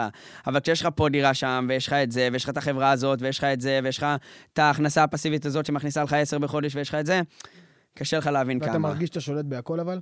שאתה שולט בכסף שנכנס ויוצא, בתזרימים, בכל האובליגו שלך, אתה, אתה מרגיש שאתה אתה, אתה שולט בזה, או שזה עדיין בורר לך בגלל הגיל הצעיר, ואתה אומר, יאללה, נו, לזין שלי, אני מתקדם, מה יכול להיות? זו שאלה ממש מעניינת, כי כמו שדיברנו קודם על 400 שקלים ב- ביום, שלא יכולתי להוציא בגיל 18 כזה, השתחרר. אז התחלתי לפזר הרבה מאוד כספים, ו... וטיפה הלחיץ אותי, כי לא הכרתי את עצמי ככה, כי גם לא הייתה לי את האופציה לעשות את זה. אז אה, זה כן היה מין משהו מסוים שקרה, ואגב, בגיל 18 קניתי את הדירה בישראל, בין היתר אמרתי, אני לא רוצה להידרדר מכאן לסיטואציה שאני מתחיל לבזבז יותר מדי כספים, ככה ששמתי, הבנתי כסף אותך. בצד. והדירה הראשונה כמה עלתה? הדירה עלתה 2.5 מיליון. שתיים וחצי מיליון. 2.6. ואתה הבאת 30 אחוז הון עצמי או 25 אחוז הון עצמי, משהו כזה? אני שמתי 20 אחוז הון עצמי. הדירה לא מוכנה. 25. 20, הנייר. כי זה דירה, דירה על הנייר, אז שם 20 או 25, אבל זה בערך 800 אלף שקל, תעשה את החישוב, כמה זה יוצא. מטורף. ומה כאילו, אתה קנית אותה ומה השווי שלה היום? כי עדיין בטח היא עדיין על הנייר, לא? היא עדיין על הנייר. הייתי בה לפני כמה ימים, הגעתי אליה. היא עדיין- אה, נראית... היא כבר לא על הנייר. ואיפה היא לא מוכנה עדיין, אבל היא לא בבת על ים הנייר. איפה? באיזה מגדל? זה בבת ים, באזור המגדלים החדשים, זה. פרויקט חדש של... אה, בטוח חבר'ה דרומיים. מה הכוונה דרומים? הקבלנים בטוח הם מהדרום. לא, זה חברת אזורים, אם אתה מכיר. אה, אזורים, בטח. זה החברה הכי גדולה בישראל, זה הרשי פרידמן, הוא לא, הוא לא ישראלי. אני לא יודע אם הוא הכי גדולה בישראל. היא החברה הכי גדולה יש בישראל. לך גם את אה, שיכון בינוי, יש לך את דמרי, אני לא יודע, אבל לא משנה, בכל מקרה. אז תלוי גם איך אתה מגדיר חברה גדולה. כן, אבל תשמע, כל הכבוד, אחי, בגיל כן. כזה צעיר, כזה סכום, אז ההחזרים שלך הם מוחזרים מאוד, אחי. הולכים להיות לך החזרים בממוצע, 11-12 אלף שקל בחודש, החזרים רק על הדירה הזאת, מבחינת תשלומים לשלם? של המשכנתה. אני מאמין שפרסת את זה גם ל-20-25 שנה אה, קדימה. רגע, רגע, רגע. לא לקחתי משכנתה על הדירה. אז איך שמת רק 20 אחוז? אה, הבנתי אותך. אתה, לק... אתה לוקח את הדירה בלי משכנתה? נכון, אני שמתי עכשיו 20 ואני אשלים להם 80. וואלה, ולמה שתעשה את זה? למה שאני אקח את הדירה בלי משכנתה? כן. אתה צריך למנף את הכסף, מה ההיגיון לשים את כל ההון עצמי על בית? אין לי סיבה, אני לא צריך בית בישראל. אני ככל הנראה אשלים את זה ואני אמכור את הבית. אז אתה אומר ברגע שזה יהיה מוכן, אתה תשלם את כל התשלומים, ואז אתה תפליג אני לא יודע מה יהיה. יכול להיות גם שאני אחליט שאני חוזר לגור לארץ. אני. יודע שעסקית עדיף לי למנף ולקחת משכנתה. ברור. יכול להיות. אבל כרגע לא לקחתי משכנתה. אתה אומר, אני לא צריך את המשכנתה. שילמתי כרגע 20 אחוז על דירה בשווי 2.6. שמתי להם כמעט 800 אלף, אני חושב, משהו כזה. וזהו, וכרגע אני צריך להשלים להם בסביבות ה-2 מיליון עוד כמה שנים. וואלה, ואתה בטוח בעצמך שאתה מביא את הכסף, אין בעיה. אני אעשה את הכי טוב שלי. אלוף. תגיד לי, יש דמויות בארץ שאתה חושב שהם כוכבים, שהם מטאורים צעירים, שאתה רואה את זה? צריך לעקוב ברשת החברתית. מעניין אותי לדעת מי אתה סימנת לעצמך, אמרת, שמע, זאתי מטאור, זה מטאור. מעניין אותי לשמוע מי האנשים האלה שאתה מסתכל עליהם מנקודת המבט שלך כאדם צעיר, ולהגיד, שמע, הבן אדם הזה נראה לי מאוד מבטיח. לאו דווקא שתעבוד איתו, אלא כפרסונה. בתחום הכסף באינטרנט או בתחום הכללי? בתחום הכללי אני מדבר. אני לא עוקב אחרי הרבה אנשים מהארץ. אני ניסיתי לחשוב שנייה אם אני מכיר, אבל אני לא עוקב אחרי הרבה אנשים מהארץ. אם אתה שואל אותי את השאלה הזאת בעולם, אז כן, יש כן, לי שמות של לא- אנשים שאני לוקח לא מהם רלוונטי השראה, לצופים. אבל בישראל אני לא כזה עוקב אחרי הרשת החברתית בישראל. ויש לך חברים פה בארץ שהם אה, דמויות מפתח ברשת, או שפחות? אתה יותר חבר'ה שהם אה, מתחת לרדאר. אמ, כן, יש לי כמה חברים שהם אה, גם ברשת. לא בהכרח בכסף באינטרנט, אבל... ואיתם אתה נפגש, אתה בא לפה, כן. יושב איתם. אתמול פגשתי בחור בשם סם עם 300 אלף צופים, עם 300 אלף עוקבים ביוטיוב. וואלה. כן, יש לי כמה כאלה. איכשהו היוטיוב אני יוצא לי הרבה, אבל... תגיד לי, מה, אתה, איך אתה מרגיש את היוטיוב? כי ביוטיוב אני לא רואה שנותנים לזה בארץ הרבה ערך. נותנים יותר ערך בטיק טוק, באינסטגרם, אני לא רואה אנשים ממש משקיעים ביוטיוב. אה, חבר'ה ממש. משקיעים ביוטיוב, כן, כי הפוטנציאל שלך הוא מעצבן כשהוא מוגבל, ולהשקיע ביוטיוב אתה צריך הרבה. וזה מעצבן כשהוא מוגבל, כי כמה, כמה צופים כבר אתה יכול לקבל כאן בישראל? ואיך, אתה יודע איך היוטיוב עובד, הרי זה משלמים לך פר פרסומת. אתה לא מרוויח באמת כסף מזה. שמע, אז uh, לפי מה שאני מבין ממך, אתה, האנגלית שלך היא מדופלמת. אתה צריך לשלוט בצורה משמעותית בשביל שהסרטונים שלך, אלא אם כן אתה לא עושה סרטונים באנגלית, אני לא יודע, אתה עושה סרטונים באנגלית? מתחיל. מתחיל, אז האנגלית שלך היא עם קרטעת או שהיא כבר על הדרך? מספיק אבל לא מספיק. מספיק אבל לא מספיק. אז אתה מדבר בעיקר עברית שם, אחי. אני מדבר באנגלית דובאי, עם אין לדבר עברית. מה זה אנגלית. דובאי? אני מדבר באנגלית, בדובאי אני אה. מדבר באנגלית. יפה, אחי, תשמע, הרשמת אותנו, מאוד מעניין. הייתי רוצה לשמוע מה הצעד הבא שלך, איפה אתה רואה את עצמך בשנה הקרובה ומה היעדים שלך מבחינה עסקית. מבחינה עסקית. Um, כמו שדיברנו קודם על הקורסים, כרגע הפכתי את זה לאקדמיה. זה אקדמיית המיליון הראשון, שזו פלטפורמה שאנשים מגיעים כדי ללמוד איך להרוויח את המיליון הראשון שלהם, ומיליונרים מאומתים ברחבי העולם מגיעים לפלטפורמה על מנת ללמד את אותם אנשים איך לעשות את המיליון הראשון שלהם. כרגע זה האתר של קורסים הכי גדול בישראל, ובעזרת השם בשנים הקרובות בעולם. אתה ממש רוצה להתפתח ברמה עולמית. כן. יפה. אז אתה אומר שכל מה שאתה הולך עכשיו לעשות, זה לעשות ממש מעבר של המערכת לאנגלית. היא כבר צריך- באנגלית. אה, היא כבר באנגלית, כל המערכת. יש כבר קורסים באנגלית. הממשק הוא כולו באנגלית? יפה. ויצא לך למכור אותו לאנשים שהם לא מהארץ או שעדיין לא? כן, יצא, לא הרבה. ואיך אתה משווק את זה? עם רק, רק מהדף שלך הפרטי, או שאתה עושה גם אה, עוד אה, כל מיני אפיקי תקשורת? שיווק בחו"ל. כן, שיווק ממומן. ומה, איפה בעיקר אתה מממן? זהו, שהפסדתי הרבה כסף על זה שעשיתי שיווק ממומן בכל מיני מקומות, כי אני עושה את השיווק בעצמי, ואני די מומחה בגוגל אדס וכו', ומה שקרה שעשיתי שיווק במקומות בעולם, ואתה מתלהב מזה שה... שהעלות לקליק היא ממש זולה. אתה יודע, כאן בארץ, אם אתה מביא נגיד קליקים ב-0.6, 0.8, זה אחלה, יחסית. ובחו"ל פתאום זה 0.0003. והייתי כזה fuck, ושמתי מלא תקציבים, ומלא אנשים נכנסו לאתר, ומסתבר סלקו שעשיתי. שיווק, עשיתי שיווק למדינות שאין להם כרטיסי אשראי אפילו. מה אתה אומר? אז תמיד אתה יודע, תמיד יש את הכישלונות הקטנים האלה שאתה מפסיד בהם כסף, ו... כן, תמיד יש ואתה רץ כישלונות. גם ממומן באינסטגרם, טיק טוק או שפחות? ממומן באינסטגרם, לא ממומן בטיקטוק, לא. אה, ממש שום דבר. אני זוכר אבל שהייתי רואה אותך במודעות ממומנות באינסטגרם. ממש מזמן. אתה זוכר להגיד תקציב בפרסום באותה תקופת זמן, או שאתה לא... זה לא יושב לך? באינסטגרם, לא הרבה בכלל. ממש בקטנה? בגוגל הוצאנו הרבה. וואלה, ומה מה זה בגוגל? הרבה שהדפים שלך יופיעו ראשונים במוצרים שמחפשים? ביוטיוב. אה, ביוטיוב. הרי גוגל זה מערכת פרסום, גוגל כן, זה כן. פלטפורמה ש... הבנתי, גם על יוטיוב. ב- ביוטיוב. ומה תקציב הפרסום של חברה כמו שלך שם? חודשי או כללי. אמ, כמה הוצאנו. עד היום? כמה לא. מיליונים? כמה מיליונים. כן. והצלחת לראות מזה אה, המרה טובה, או ש... אני מניח שהיינו עוצרים אה, מהר מאוד אם זה לא היה מראה טובה. אז ספר לנו, אם כבר אנחנו בנימה הזאת עכשיו, על מה הכישלון הכי גדול שלך. הכישלון הכי גדול שלי, שאלה מעניינת. תראה, יש הרבה כישלונות, אתה יודע, הבעיה היום ברשתות החברתיות והכל זה שאנשים מעלים רק את החלק שהם מוצלחים בו, ואף פעם אדם לא מעלה את מה שהוא נפל, או... אתה העלית? אני גם מדבר על עצמי, אבל אתה העלית כישלונות. אף פעם לא העליתי כישלונות. אה, אז אל ת... אני לא מדבר, אני לא מדבר על אנשים, אני אומר גם על עצמי, זה הרשתות החברתיות. אה, אנחנו, אוקיי. אנחנו, גם אני, כולנו, אני מניח. אמ, וזה הבעיה שאנשים, אני לא אומר את זה כדי להגיד למה אנשים גרועים, אלא אני בא להגיד את זה כי אנשים לפעמים חושבים שהכל, התמונה ורודה והכל, אה, והכל מצליח, ולמה רק לי לא עובד, למה רק אני נופל, אז תמיד יש כישלונות. שוב, כמו שאמרנו, מהכישלון הראשון, שלא היה מכירות חצי שנה עד השלב שהגיעה המכירה, לבין זה שלפני חודש הפסדתי מיליון נקודה שתיים דולר כל שנה. איך? מה זה הסכום הזה? מאיפה הוא בא? זה סכום שאמור להיכנס בהכנסות שנתיות של 1.2 מיליון דולר שפשוט הלך. תסביר לי רגע, כשאתה זורק סכום כזה, מה זאת אומרת, זה צפי, פוטנציאל, או שזה כסף שהלך, נשרף ממך, מהחשבון? נשרף, נשרף, באותה נפילה נשרף סכום של בערך 100,000 שקל. מהחשבון אתה אבל, מדבר. לא מהחשבון שיצא, אלא כסף שאמור להיכנס. ומיליון נקודה שתיים דולר בשנה של פוטנציאל הכנסות. סתם משהו שנפל בעסק, ש... בעסק שבניתי. מה זה היה, פזיז, מהיר, עשית מהר, ישר הרמת את המערכות, ישר שמת כסף, ישר כאילו זה כזה פזיז? כן, זה היה, זה היה מתוך מעשה פזיז, אני בן אדם מאוד פזיז בחיים שלי. Um, עשיתי טעות. וחיית עם זה טוב, או שהיית בבאסה על זה? ממש. אתה צריך לחיות טוב עם מה שאתה עושה. אני אומר, אתה צריך גם לחגוג את הכישלונות שלך כמו שאתה חוגג את ההצלחות שלך. אתה לא חגגת אותו, אבל. אני כן חוגג אותו. איך? סיגר טוב? זה, זה לחגוג. זה לחגוג.